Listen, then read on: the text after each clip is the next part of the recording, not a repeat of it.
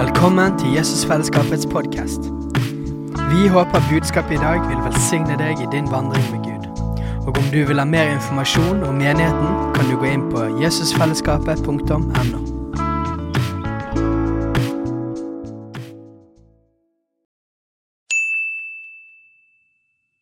Hei! Visste du at Jesusfellesskapet starter en ny bibelskole til høsten?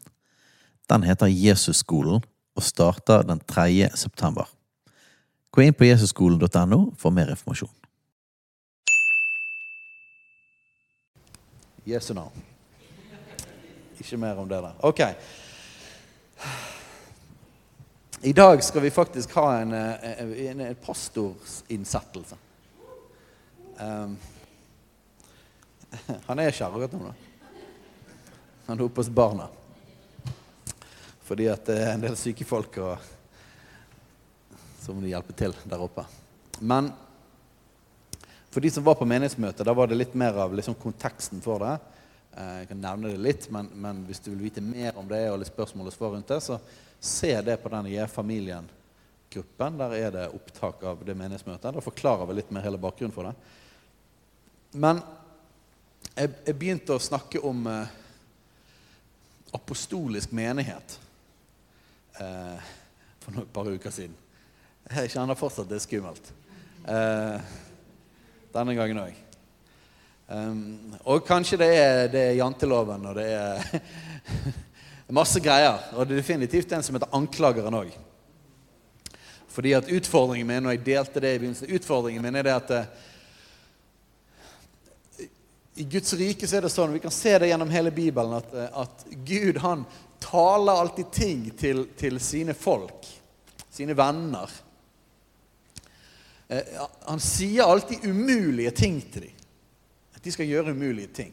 Og så tror ikke, så er ikke det hovedsakelig på en måte de tingene som Gud kaller dem til, som er hovedpoenget. Men det er jo vandringen med Gud inn i det som han har sagt. Men vandre, i vandringen ligger relasjon.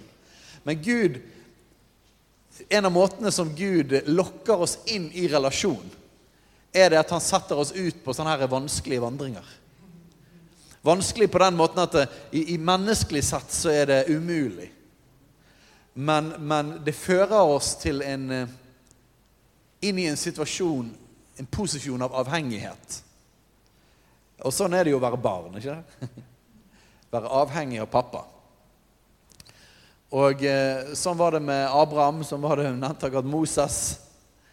Sant? Moses, drar og uh, sett fri disse folkene. Ja, men nei, de vil ikke høre på meg, og det er vanskelig for meg å snakke. Jeg tar med Aron. Uh, ja, men, ja, men, ja, men. Og husker dere alle historiene i Bibelen der Gud sier et eller annet, og svaret til personen er bare 'Nei, det går ikke'. Ja, men sånn og sånn. Og så argumenter. Noen som har opplevd det? Er det noen som sjøl har opplevd det i sitt liv? Eh, så jeg tror det at når Gud sier noe og taler om framtiden, så handler det ikke bare om informasjon eller liksom ordre. dette skal du gjøre, Men det, det handler om prosessen som han tar oss inn i. Eh, at vi, skal, vi får liksom den nåden å få Leve i det ukjente og i det umulige. Når, når, når, Peter fikk lov til å gå på vannet, så handlet det ikke bare om å, handlet ikke om å gå på vannet. Det handlet om tillit. Ikke? Tillit til Jesus. Blikket på Jesus.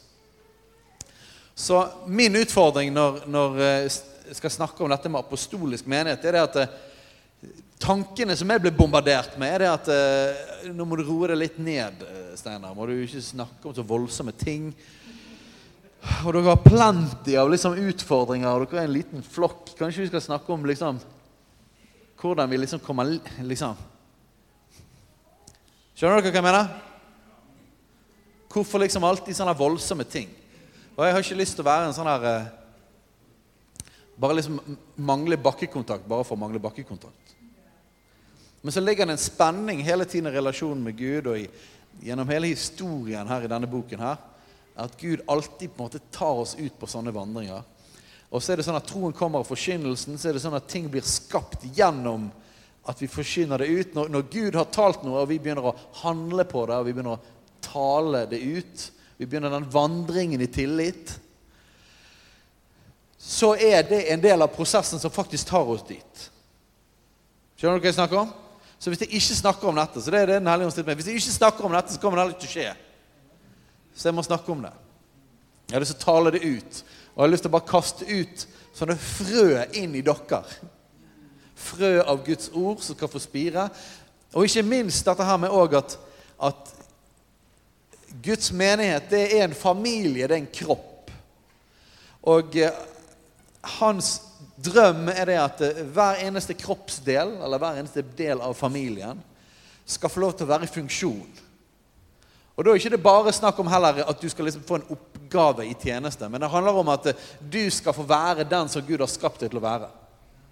At, at vi, vi, kan ofte gjøre det for teknisk. Menighet er liksom ikke bare at det at folk skal komme i funksjon, ikke bare at nå skal du begynne å fungere i din nådegave. Men det handler om at han har gjort deg til en kroppsdel. Og du i relasjon med han skal få lov til å være den han har skapt deg til å være. Og han er en relasjonsgud. Kropp betyr det at kroppsdelene de passer sammen, og sammen så kan de gjøre ting som de ikke kan gjøre alene. Så vi blir en, en kropp, Jesu kropp, Kristi kropp, som kan gjøre noe i våre omstendigheter. Være noe som vi ikke kan være alene. Og, og Paulus, snakker, Når Paulus snakker om kroppen i 1. Korinterne eh, kapittel 12, så, så, sier han bl.a. Hvis, hvis du ikke liksom Du kan ikke si til øyet at vi ikke trenger øyet. Sånn at Du er en kroppsdel, men vi kan ikke si at vi ikke trenger de andre kroppsdelene. Er det noen her som mangler en kroppsdel? Det er sikkert er det kanskje noen. Jeg vet min, min bror han mangler iallfall litt av fingeren, finger, tommelen sin. Han har hogget tommelen to ganger med øks forskjellige vinkler. Jeg vet ikke om det er noen som mangler en hel kroppsdel, men jeg tror ikke det er noen som har lyst til å mangle en kroppsdel. Og jeg tror ikke det er noen som sier liksom at det, det var like greit uten. Så vi trenger alle kroppsdelene i, i, funksjon. Så det er hjertet bak dette. Um, og når vi da taler ut og forkynner ut at dette er det Gud har vist meg. For min, min, funksjon i kroppen er bl.a. å se ting for framtiden. Og så begynne å handle på det og forkynne det og si det til dere. Det er ikke min jobb å få dere med. Heldigvis. Det er Den hellige ånd sin jobb. Det er ikke min jobb. Min jobb er å bare gjøre min bit. Akkurat sånn som din jobb er å gjøre din bit. Eh, og NB, menighet, er ikke bare å sitte på en stol, altså. Dette er bare en samling. Menighet er noe vi er sant? hele uken. Så Det er ikke sånn at din funksjon er å sitte på en stol, og min funksjon er å snakke til deg. Sant? Det er bare en liten bit av det man er som en. en liten, et lite sånn samling da, der akkurat det som skjer nå, er at jeg forkynner Guds ord. Okay? Men det er ikke det menighet er å sitte på en stol. Men når jeg taler det ut som Gud viser meg, så er det en del av prosessen med at Han taler til deg, og han vekker noe i deg. Det er sånn, det er sånn Gud har satt det opp. Så i dag skal vi snakke om dette med at eh, Gud reiser opp nye tjenester. Et av, eh, et av kjennetegnene på en apostolisk menighet er at Gud reiser opp nye tjenester, nye tjenestegaver og nye funksjoner. At han reiser opp kroppen. At kroppen begynner å fungere. Og Når jeg bruker dette begrepet apostolisk menighet, så vet jeg at de aller fleste av dere skjønner ikke helt hva det betyr. Men det er derfor jeg forsyner det. Sånn at du kan forstå, Jo mer vi snakker om det, jeg setter det begrepet opp, og så forsyner jeg innhold, så skjønner du mer og mer hva det faktisk er for noe. Okay? Så en av funksjonene til en apostolisk menighet er at tjenestegaver kommer opp. Ok, Hva er tjenestegaver for noe? Efesene 4,11. Blir dere med og slå opp der? Har dere eh, papirbiler? Bibler?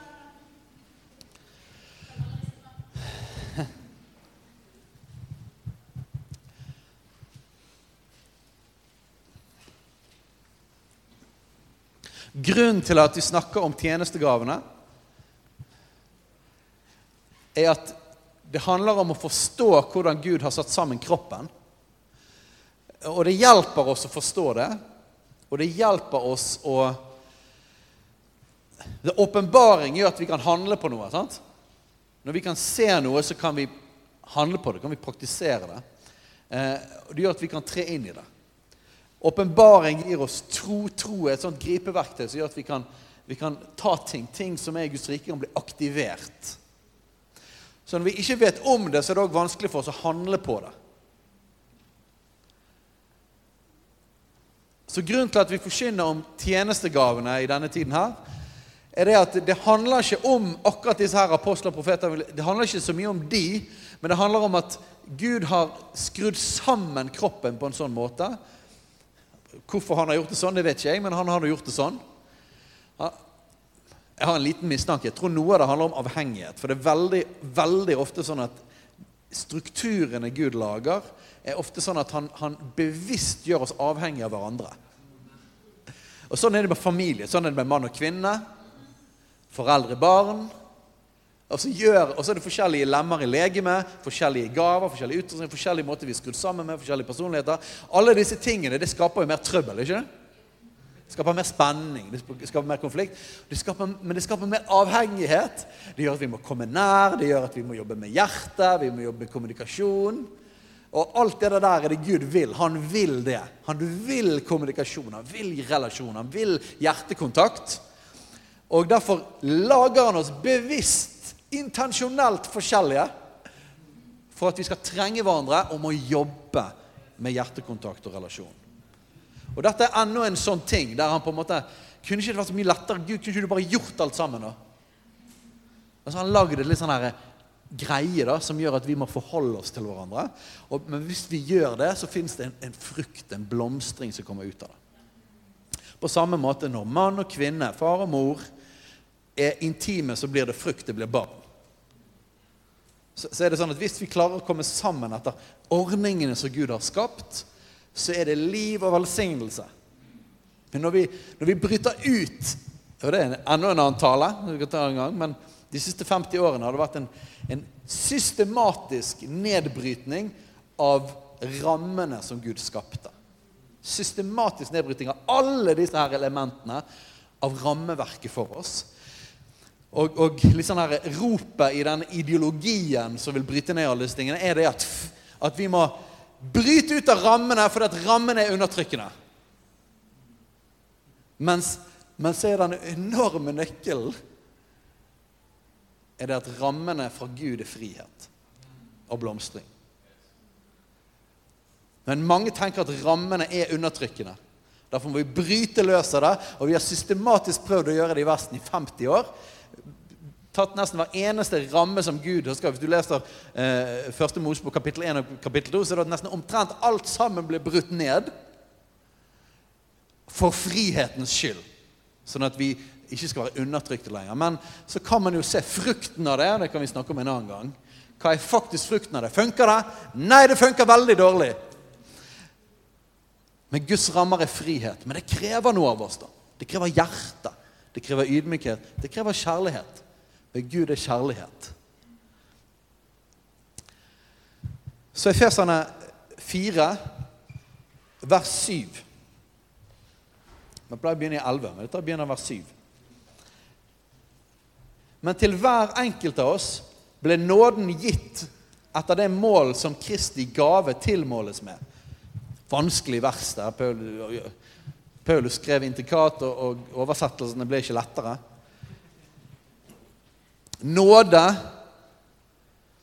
samme, det, det karis. Charis. Det samme ordet man bruker for nådegave, forresten.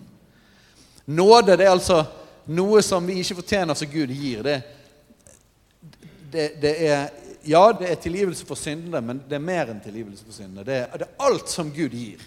Guds nåde er over oss. Hvis, hvis vi gjør noe hvis vi fungerer i noe som helst av type gaver eller utrustning, så er det Guds nåde som er over oss. ok? Så Guds nåde blir gitt til hver enkelt av oss etter det mål som Kristi gave tilmåles med. Vanskelige greier.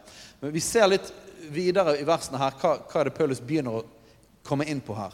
Det finnes en, en ramme som Gud har lagt, som er det at eh, hans hjerte er jo verden alle mennesker.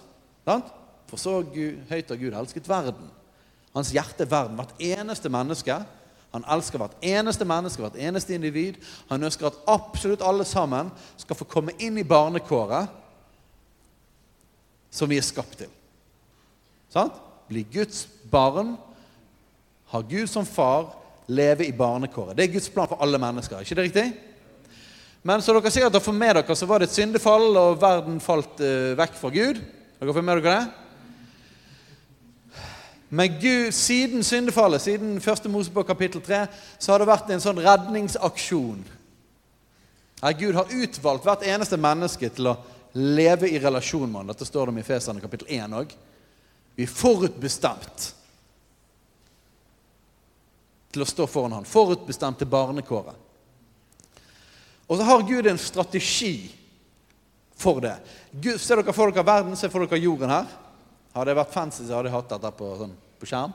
Men bare se for dere en jord. Det er alle menneskene. Det er Guds hjerte, Guds lengsel. Og så har han en plan.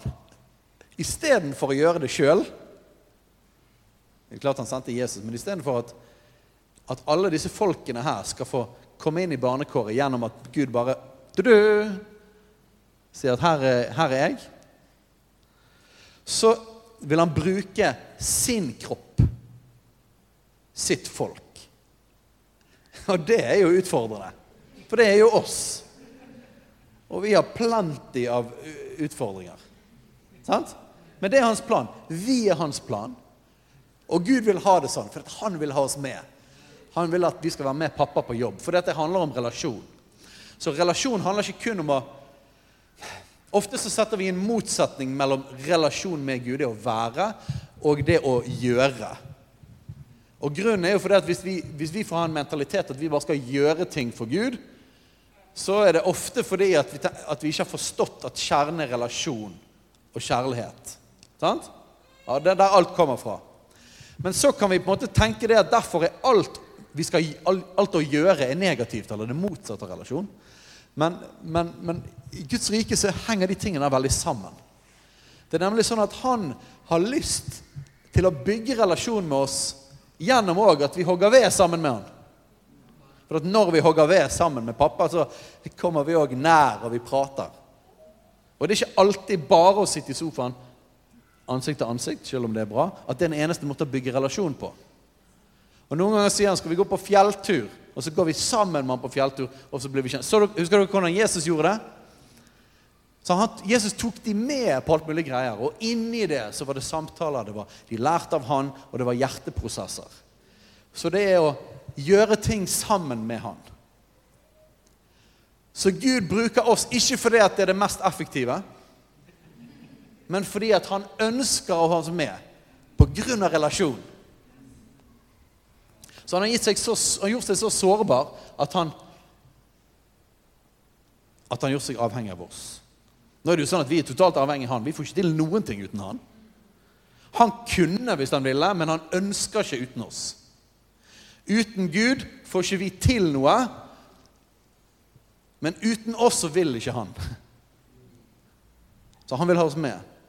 Så verden er hans hjerte, alle mennesker. Hans plan er hans folk. Og Akkurat denne biten har veldig mange fått med seg, og det har blitt forsynt mye de siste i alle fall 20, 20 årene, kanskje 20-30 årene. Fordi at Tidligere tider så var det, var, det var en periode i alle fall i Vesten der man tenkte det at Gud vil at verden skal bli frelst, og hans plan er noen få mennesker som er spesielt utvalgt en Billy Graham eller en eller annen, noen fantastiske predikanter. Det er, det er Guds plan. Så er det på en måte jobben til liksom, Guds folk er på en måte bare å sørge for å ikke falle fra helt til vi kommer til himmelen. Vi er på en måte reddet inni, så vi skal være inne i sauehegningen og så vente på en måte. da. Så det var liksom, Mye av mentaliteten var liksom at det var Guds menighets liksom, jobb. var liksom Å sitte på en stol og høre. Eh, og bare være i innhegningen og ikke falle fra. Og så var det Gud reiste opp noen spesielt som var kaldt. Og de skulle liksom nå verden, da. Men heldigvis de siste par tiårene så hadde den siden av Guds ord, for det er veldig tydelig i Bibelen, kommet mer fram. Det at nei, det er Guds folk i funksjon. Det er kroppen i funksjon. Det er hele legemet spredt rundt omkring overalt i samfunnet. Forskjellige nabolag, forskjellige arbeidsplasser, forskjellige yrker. Det er ikke meningen at alle skal bli predikanter. Tenk så tragisk det hadde vært, da. Det hadde vært utrolig trist. Men målet er verden, og for å nå verden så er strategien er hans folk. Det er meg og deg, alle sammen, i forskjellige funksjoner. Men så en tid så var det sånn at man tenkte det var de som Gud reiste opp, og så var det verden, og så skulle bare menigheten være i innhegningen. Men så begynte man å forstå nei, skal, vi skal ikke bare være i innhegningen. Vi skal være spredd rundt omkring. Jeg sender dere ut som lam blant ulver. Sånn. Så ikke bare være i innhegningen, men altså Vi kan komme liksom på søndager og samles i hjemmene av og til inn i innhegningen litt og være litt sammen. Og så blir vi spredt ut igjen resten av uken. ikke det? Men det som en del folk har på en måte utelatt i hele denne her strategien, det er det at det er et annet element òg. Så for at kroppen skal være i funksjon, så har Gud kalt noen ikke til å gjøre hele jobben, men jobben deres er basically å hjelpe kroppen i funksjon. Det er jobben deres. Sånn at kroppen kan fungere ute i verden. Så noen veldig få har fått det som jobb. Den jobben er ikke mer spesiell enn noe Paulus sa jo det sånn at eh, jeg tror eh, at Gud har satt apostler nederst. Det virker i alle fall sånn. Får mest trøbbel, i alle fall. Sånn. Kort, kort fortalt. Men poenget er at det er ingen av oss som kan gjøre noe med hva kroppsdel vi er. Det er ikke noe søknadsprosess på det. Gud peker ut de han vil. Han har et unikt, fantastisk kall for hver eneste en av oss. Det finnes ingen som ikke er kalt. Det finnes ingen som ikke er utvalgt, både til relasjon, men også til å sammen med Han være med og forandre med Guds rike, prege med Guds rike det området Han har satt deg i. Både geografisk og i det der samfunnet er forskjellig. Det kan være alt mulig. Alle sammen har et fantastisk kall, og det er umulig at noen av oss kan gjøre det uten Guds nåde, uten Guds kraft. Vi er avhengig av relasjonen med Han for å fungere sånn som Han har kalt oss til. Så det er relasjon, og så er det arbeid sammen med Han. Men for at kroppen skal komme i funksjon, så trenger vi òg å forstå akkurat dette med tjenestegavene. Og Derfor er det vi forkynner om det. Fordi at kroppen skal komme i funksjon, sånn at vi kan få lov til å være med og gjøre vår bit i verden. Det er hensikten. Og det er veldig viktig for meg å understreke dette her. Eller at det ikke er sånn her tjenestegave-fetisj. At vi bare snakker om dette for det høres kult ut.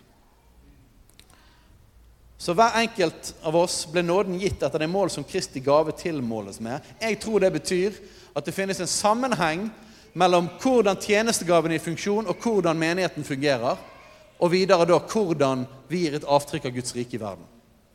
Hørte dere det? Jeg sier det en gang til. Det fins en sammenheng mellom hvordan tjenestegavene er i funksjon, og koblingen da mellom hvordan Kristi kropp er i funksjon, og da videre hvordan vi er i funksjon i verden. Og hvis det faktisk er sånn, jeg tror Bibelen sier det er sånn, så er det faktisk veldig viktig å få på plass denne biten.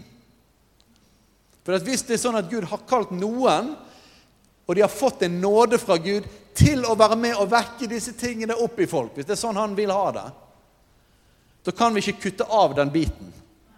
For da kommer ikke kroppen i funksjon, og da går det utover verden.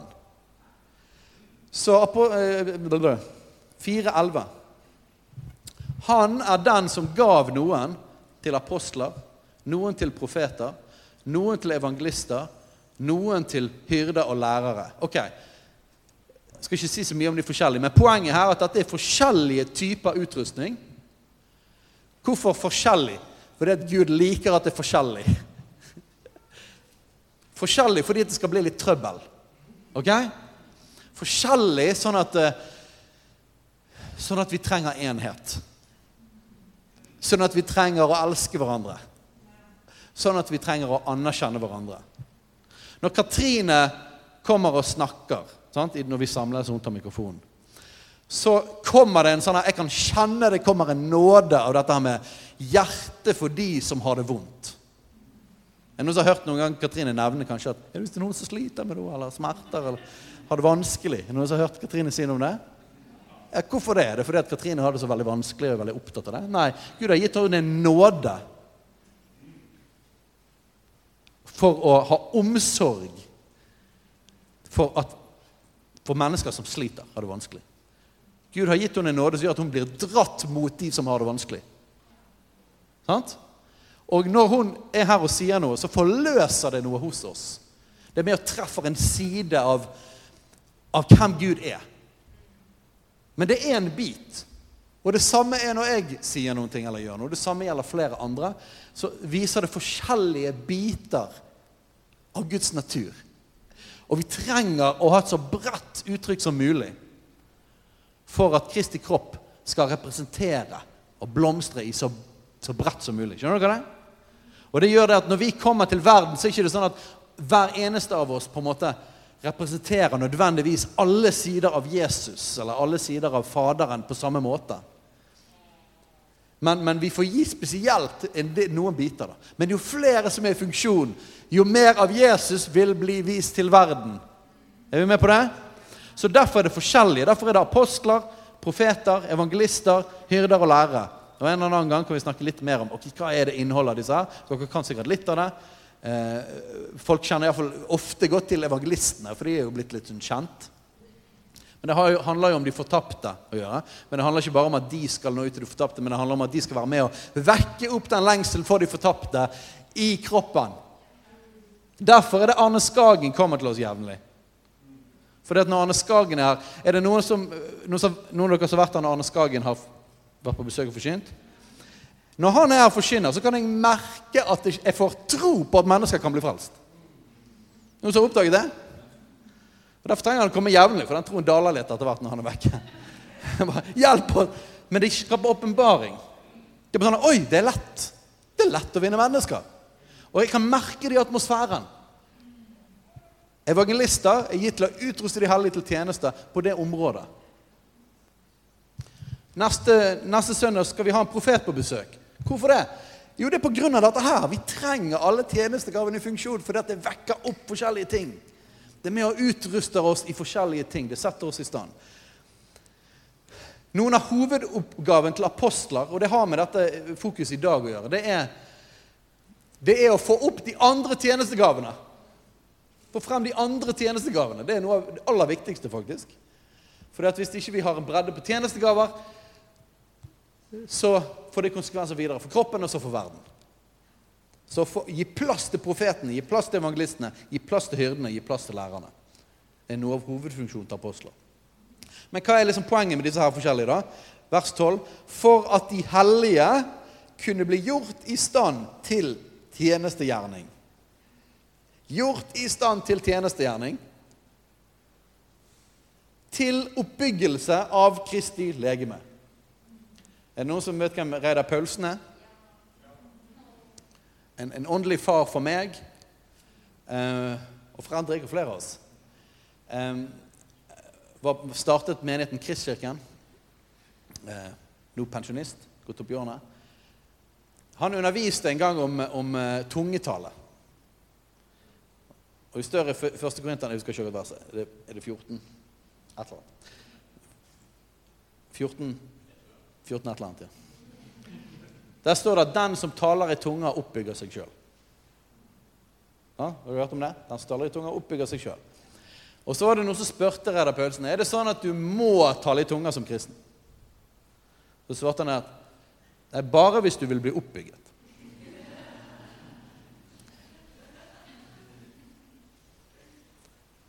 Og det samme her. Må vi ha disse tjenestegavene? Det er bare hvis Kristi legeme skal oppbygges. Vi trenger ikke det hvis ikke.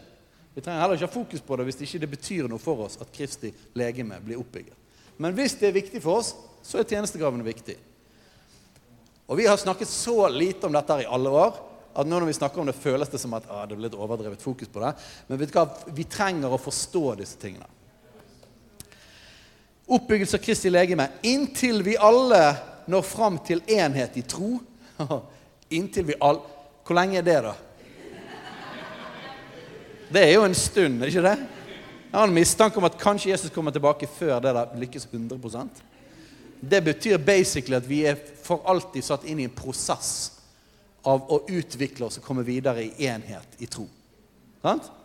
Men en, en nøkkelgreie med apostler, profeter, evangelister, hyrder og lærere er enhet, skape enhet i kroppen. Og Hvis dere ikke skjønner det, så er det det jeg holder på med akkurat nå. Jeg forkynner om kroppen for at alle skal forstå at vi trenger hverandre. Og det blir forløst en ånd av enhet i det. Enhet handler selvfølgelig om andre, det handler om generasjoner, det handler om andre forsamlinger, og sånt, men det handler òg om oss lokalt. En gjensidig anerkjennelse av hverandre, av de forskjellige lemmene. Så inntil vi alle når fram i enhet i tro på Guds sønn og i kjennskap til Han Halleluja. Til manns modenhet, til aldersmålet for Kristi fylde, for at vi ikke lenger skal være umyndige hva betyr det? Manns modenhet. Det betyr for at vi ikke skal være barnslige kristne. Hvordan er det å være barnslig? Det betyr fokus på meg sjøl primært. Alt handler om meg. Men det å bli moden er å ha Jesus som forbilde og får far som forbilde. Så er det at, vet, faktisk sånn, så er det sånn at Når jeg gir, så får jeg. Når jeg bøyer meg ned og løfter andre opp, så er det bra for meg òg. Ikke det kjernen av hvordan Guds natur er, og hvordan Kristi kropp fungerer. Så modenhet handler om å vokse opp. Og det handler ikke bare om meg. Ehm, det handler om å bli fri, det handler om å bli helbredet, det handler om å komme ut av en offermentalitet. Og tenke vet du hva, jeg er fantastisk, og Gud har reist meg opp, og Gud har gjort meg sterk. Jeg kan stå, og jeg kan hjelpe andre. Jeg er ikke bare en som trenger hjelp. Nå er det lov til å være i sesonger der vi virkelig trenger hjelp, og bare blir betjent. Men det er et mål at vi alle sammen skal modne og vokse opp. Og at vi ikke så lenger skal være umyndige, det betyr barnslige, og la oss kaste og drive omkring av hver lærdoms vind, ved menneskers spill, ved kløktig villfarelses listige grep. Så det handler altså om at vi ikke skal bli for lurt av alle mulige slags ideologier eller vranglære eller moter i Kristi kropp eller i samfunnet vårt. Det er òg en funksjon av disse tjenestegavene å forkynne Guds ord sånn at vi holder oss sunne og ikke drives rundt omkring. Sannheten, tro i kjærlighet. Og dette trenger vi stadig hjelp på. At det er en ånd av kjærlighet. For uten kjærlighet så er vi ingenting, står det i 1. Korinterne 13. Da er det klingende malm og bjelle og alt mulig. Alt tro som kan flytte fjell, men ikke kjærlighet, så ingenting. Så det må være kjærlighet. Men så er det sannheten tro òg, da. Så det betyr at vi har evne til å tro sannheten, forstå sannheten, forkynne sannheten. Til og med når den sannheten er ubehagelig for oss. Og til og med når den er kontroversiell i samfunnet vårt. ikke det riktig? Så det er balanse mellom sannhet og kjærlighet. Ved ham ja, skal vi alle i alle måter vokse opp til Han som er hodet. Så det er målet. Sannhet, kjærlighet vokse opp til han som er hodet. bli modne. Og ved ham blir hele legemet sammenføyd og holdt sammen ved hvert støttende bånd. Alt etter den virksomhet som er tilmålt hver enkelt del. Uff, det er mye informasjon i hvert vers her. Og slik vokser det, det sin vekst som legeme til sin oppbyggelse i kjærlighet. Ok, Vi kan ikke gå gjennom alle ordene der, for det er mye. Men, men det handler om enhet. Det handler om de forskjellige som er støttende og er sammen og at vi vokser opp. Og vi blir oppbygget i kjærlighet. Amen? Så alle disse tingene er viktige, ikke det? Det er rett og slett kort fortalt at menigheten skal komme i funksjon, at menigheten skal bli moden, at vi som Kristi kropp skal komme inn i vårt fulle potensial. Jeg liker det begrepet. Det er Guds hjerte og Guds mål. Derfor trenger vi tjenestegavene. En av de viktige tegnene på, på en apostolisk menighet skulle jo være for enhver menighet. Men jeg bruker det begrepet fordi jeg opplever Den hellige ånd har sagt at vi skal tale det ut, og at dere skal forståelse av hva det er for noe. Er at nye tjenester òg vokser opp. Det tok ikke så lang tid på alle disse tingene her og korona at jeg, vi får ikke tid til å gå gjennom alle versene på det. Så jeg kan bare nevne de. Jesus Han hadde tolv disipler. Skal dere det? Og så hadde han 70 disipler. Og så hadde han en hel flokk. I Matteus 10 så står det om at han gir oppdraget til de tolv. Og det er første gang de blir kalt apostler. De blir sendt ut. Apostel betyr utsendt. Og utsendt helt spesifikt med et mandat fra himmelen til noe. Utsendt for å demonstrere og forkynne Guds rike. En apostolisk menighet betyr at vi er et sted av trening og utsending. Det betyr at vi er mer opptatt av sending capacity enn seating capacity. Når alt er ferdig og pusset opp, alt mulig, så kanskje vi klarer å presse inn 200 mennesker inni her. Iallfall 170. Vi får se. Men poenget er ikke hvor mange vi klarer å samle på en, sitte på en stol. Det handler mindre om hva det handler mindre om hvor mange som kan sitte her på et møte, og mer om hva faktisk er frukten av livet vårt. Og sending capacity betyr hvor mange mennesker blir reist opp og sendt ut til å gjøre en forskjell. Det kan være i overalt i samfunnet, og det kan være helt spesifikke oppdrag som Gud kaller det til. Det vi kaller på gammeldags misjon. Men alt vi gjør, er jo misjon. Apostolisk utsendende. Så Jesus trente tolv, jo skjønner jeg? I Lukas 10 så står det at han trente og sendte ut 70. Så Jesus trente, utrustet og sendte ut. I den første menigheten, menigheten i Jerusalem, der var det først de tolv apostlene. Men i Apostels gjerninger 6 der står det om eh, at de trengte litt eh, forsterkninger i lederskap. Og da ble de som ble kalt de syv, noen som har lest om det? Apostelens gjerninger 6. Det er bl.a. Philip og Stefanus og en gjeng med andre som skulle hjelpe til med utdeling av mat. Og så samlet de sammen disse her eh, syv stykkene, og så la de hendene på dem. Og Jeg vet ikke om de hadde tenkt på det eller ikke, men det som skjedde var at de plutselig begynte å eksplodere inn i forskjellige ting. Tegn og under og forkynnelse av evangeliet. Og etter hvert så ble jo Philip Han dro til Samaria, så var vekkelse i Samaria osv. Så så du ser at ut av disse tolv så kom det nye tjenester opp. Etter hvert så ser vi at uh, det er en fyr som heter Barnabas. Noen ser har lest om han? Barnabas ble kalt en profet, etter hvert en apostel. Og en som het Agabus. Du som han? Profeten Agabus, som hadde en hel gjeng med profetdisipler og reiste rundt. En fyr som het Silas, som etter hvert endte opp sammen med Paulus og reiste rundt omkring. Han, han ble kalt en profet. I menigheten i Jerusalem så ble det reist opp masse nye apostler, profeter, evangelister, hyrder og lærere. Og disse menneskene ble etter hvert spredt rundt omkring. En apostolisk menighet trener og sender og gjenkjenner tjenestegaver. Og gir et rom for dem, sånn at de kan få blomstre.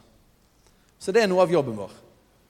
Videre så ser vi Paulus, Titus, Timoteus og en haug med andre folk som var i gjengen til, til Paulus menigheten i Antiokia. Da ser vi at det stod at det var profeter og lærere. Nye folk som Gud reiste opp. Og Fra den menigheten så sendte de ut Paulus og Barnabas ut til misjon rundt omkring. Og i hver menighet, hvert sted de forsynte evangeliet, der ble det òg en menighet startet, plantet, og så satte de nye ledere inn i hver menighet. Har dere lest om dette her i Apostels gjerninger? Det er en prosess. Jeg tar bare liksom glimten av det. For dette er en dynamikk i Guds rike. Det er en dynamikk i det apostoliske. Det er en dynamikk i sånn det skulle være i Guds menighet. At nye folk blir trent, sendt ut. At nye folk blir reist opp og anerkjent og blir satt i tjeneste.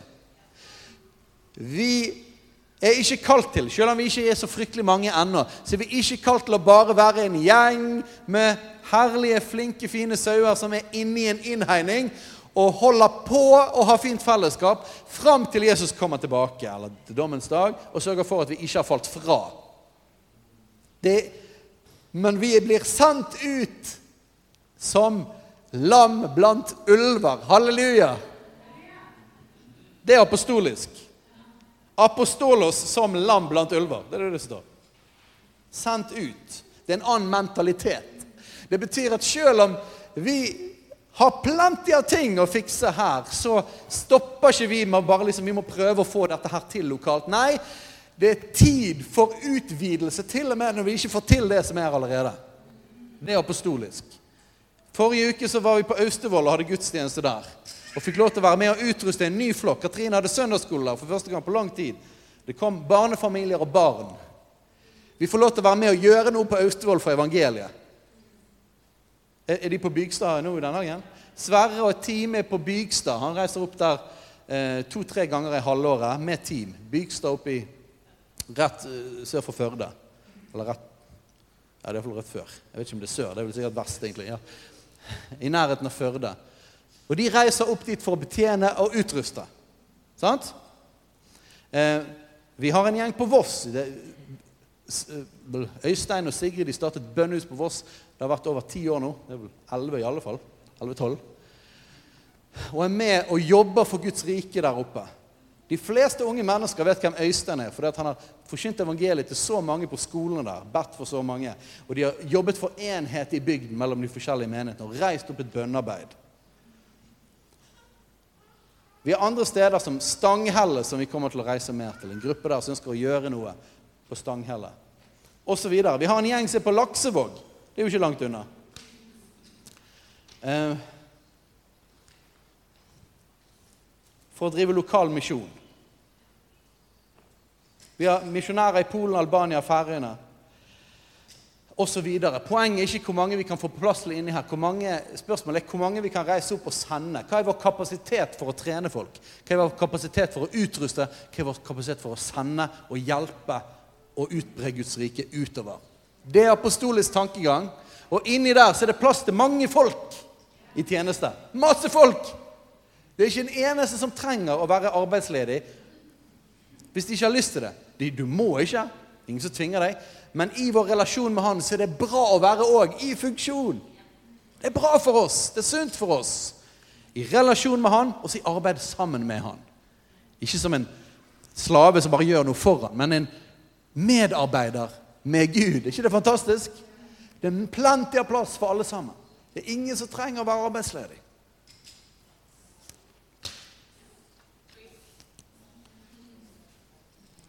Når ting blir ferdig her, ferdig bygget, og vi flytter bønnehuset ned her Det kommer til å være bønn og lovsang her hver eneste dag. det er det allerede, Men det kommer til å bli mer av det.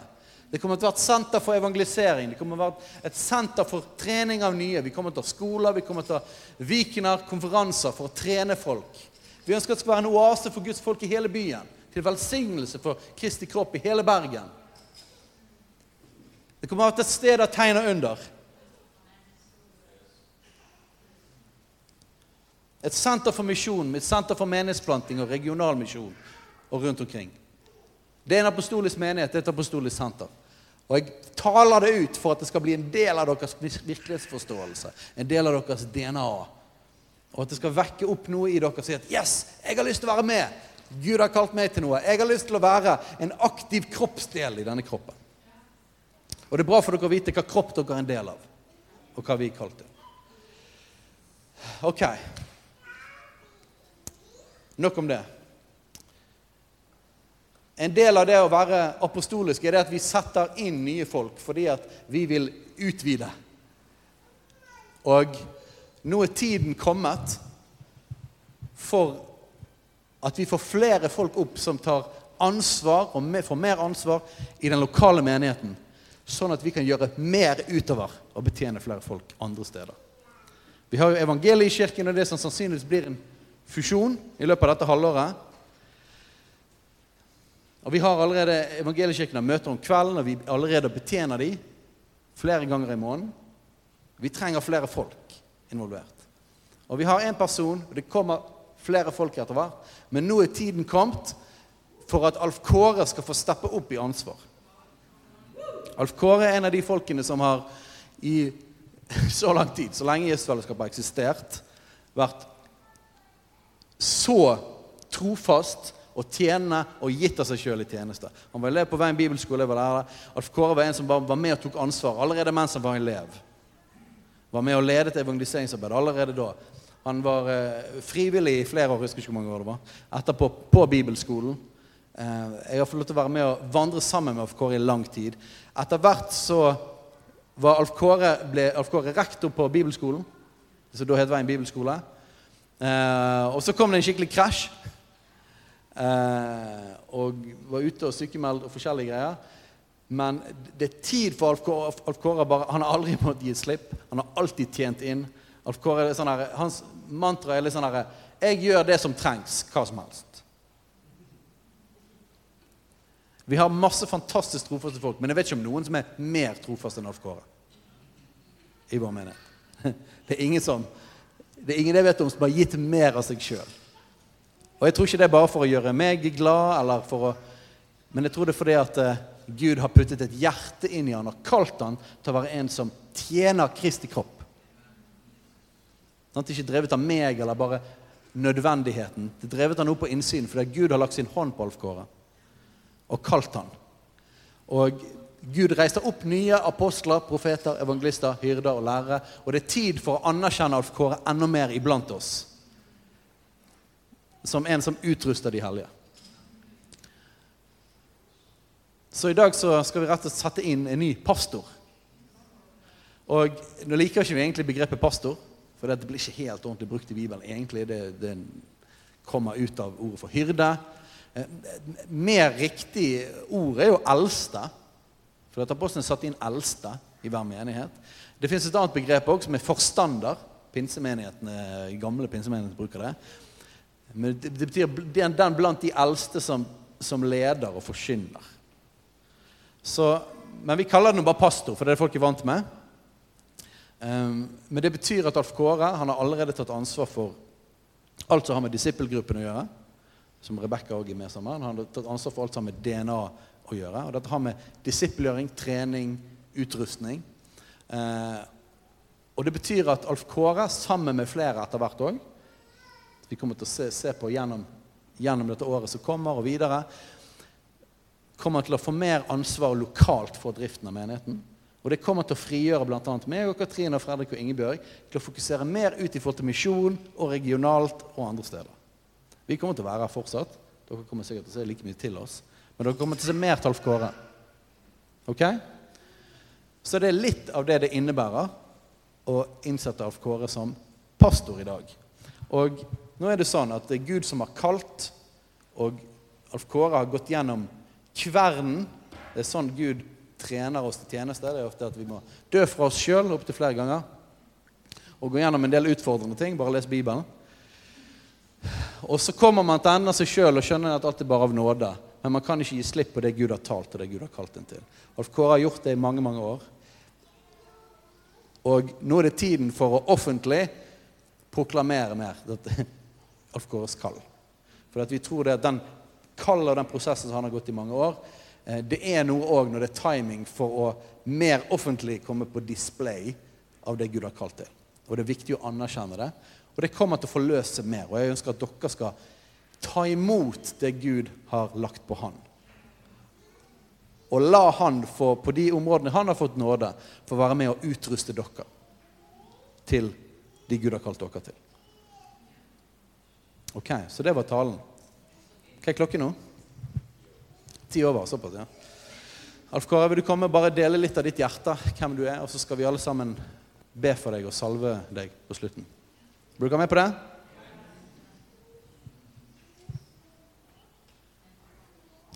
Jeg må som regel ha med meg henne her. Eh, sånn var det når jeg skulle forkynne sist. da. Men eh, sånn er det livet. Trodde jeg skulle slippe unna det. men Hun var veldig komfortabel oppe. Og så dro han på meg et løvekostyme. Um, og så når det var plutselig var en løve i rommet, og pappa ikke var i rommet, så ble hun livredd. Og siden da så har hun ikke sluppet meg i det hele tatt. Så da ble det sånn. Men sånn er livet. Um, de fleste av dere kjenner meg jo godt. Det er ikke veldig mye, mye som trengs å sies nå. Og, um, og det, er jo, det, er jo, ingen voldsomme forandringer som kommer til å skje. Det, ting vil se relativt likt ut i lang tid framover. Det er ingen som forsvinner. Det er langt på vei egentlig bare at vi fortsetter på samme, eh, på samme vei. Og i Jesusfellesskapet er det jo sånn at vi setter ikke folk inn i roller, og så begynner de å fungere. Eh, vi anerkjenner det folk fungerer i allerede. Det er alltid sånn det er. Det er derfor det sjelden vil være stor forskjell når vi gjør strukturelle endringer, fordi det har vært sånn over tid allerede. Derfor vil det ikke oppleves så voldsomt eh, mye forskjellig, men en gradvis vridning blir det uten at noen mister Steinar eller Katrine hvis en er redd for det. Så det her kommer til å gå helt fint. Det er ingen som flytter, og det er og så videre og så videre. Um, og så um, Jeg har jo da eh, to gutter oppe og en kone som er på jobb. så Derfor jeg må gå rundt og bære på henne. Og I Jesusselskapet så har vi stor tro på det med å, eh, å sette par inn i tjeneste sammen. Eh, og det er jeg som blir satt inn nå, ikke Ellen. Eh, Det har ikke noe, med, med synet på tjeneste å gjøre. eller eh, noe sånt. Det det, for hennes del så er det ikke helt timing for det akkurat nå. Det betyr ikke at vi ikke står sammen i det her. Selvfølgelig gjør vi det. Når jeg forkynner, så betyr ikke det at da er Ellen imot meg fordi at hun ikke står og forkynner akkurat sammen med meg. Sant? Vi er jo et ektepar midt oppi alt det vi gjør. Vi er ett i alt det vi gjør. Men eh, å, å tre inn i noen ting og ta på seg litt mer ansvar og en litt mer offentlig rolle, det, det krever det tar med seg et visst sett med ansvar og utfordringer. Og det er ikke timing for henne å gå inn i det akkurat nå. Det kommer sikkert til å skje senere en gang. Det er ikke noe verre enn det. Eh, Så det er det vi kan si om det. Og ehm, som sagt, ting kommer til å fortsette i stor grad på samme måte. Vi vil disippelgjøre mennesker, se mennesker frelst, se Guds rike bli utbredt. Vi ønsker å være en apostolisk menighet som trener og utruster og sender ut. Det er det vi alltid har hatt lyst til, og det er det vi skal fortsette å gjøre. Og det blir ingen forandring på det. Og um, Steinar nevnte jo på menighetsmøtet òg det her. Og han sa at, eh, at eh, jeg er sannsynligvis den som ligner mest på han på akkurat de tingene her. Så det er jo eh, for så vidt en garanti for det ikke blir så voldsomme store forandringer eh, på det. Det er egentlig det eneste jeg har å si om det. Vi trenger ikke å dra det mer ut nå, så blir det masse flere ting å si senere. Yes. Kjempebra. Hei, alle sammen. Det er Katrine og Steinar Lofnes her. Vi er hovedledere for Jesusfellesskapet. Så kjekt du har lyttet til denne podkasten. Har du forresten hørt noen av de andre podkastene våre? Ukens tale, Disippelskolen, Hyrdepodden, Kulturkrigen og Mammas hjerte. Du finner disse podkastene på Spotify, Apple Podkaster og på nettsiden vår jesusfellesskapet.no.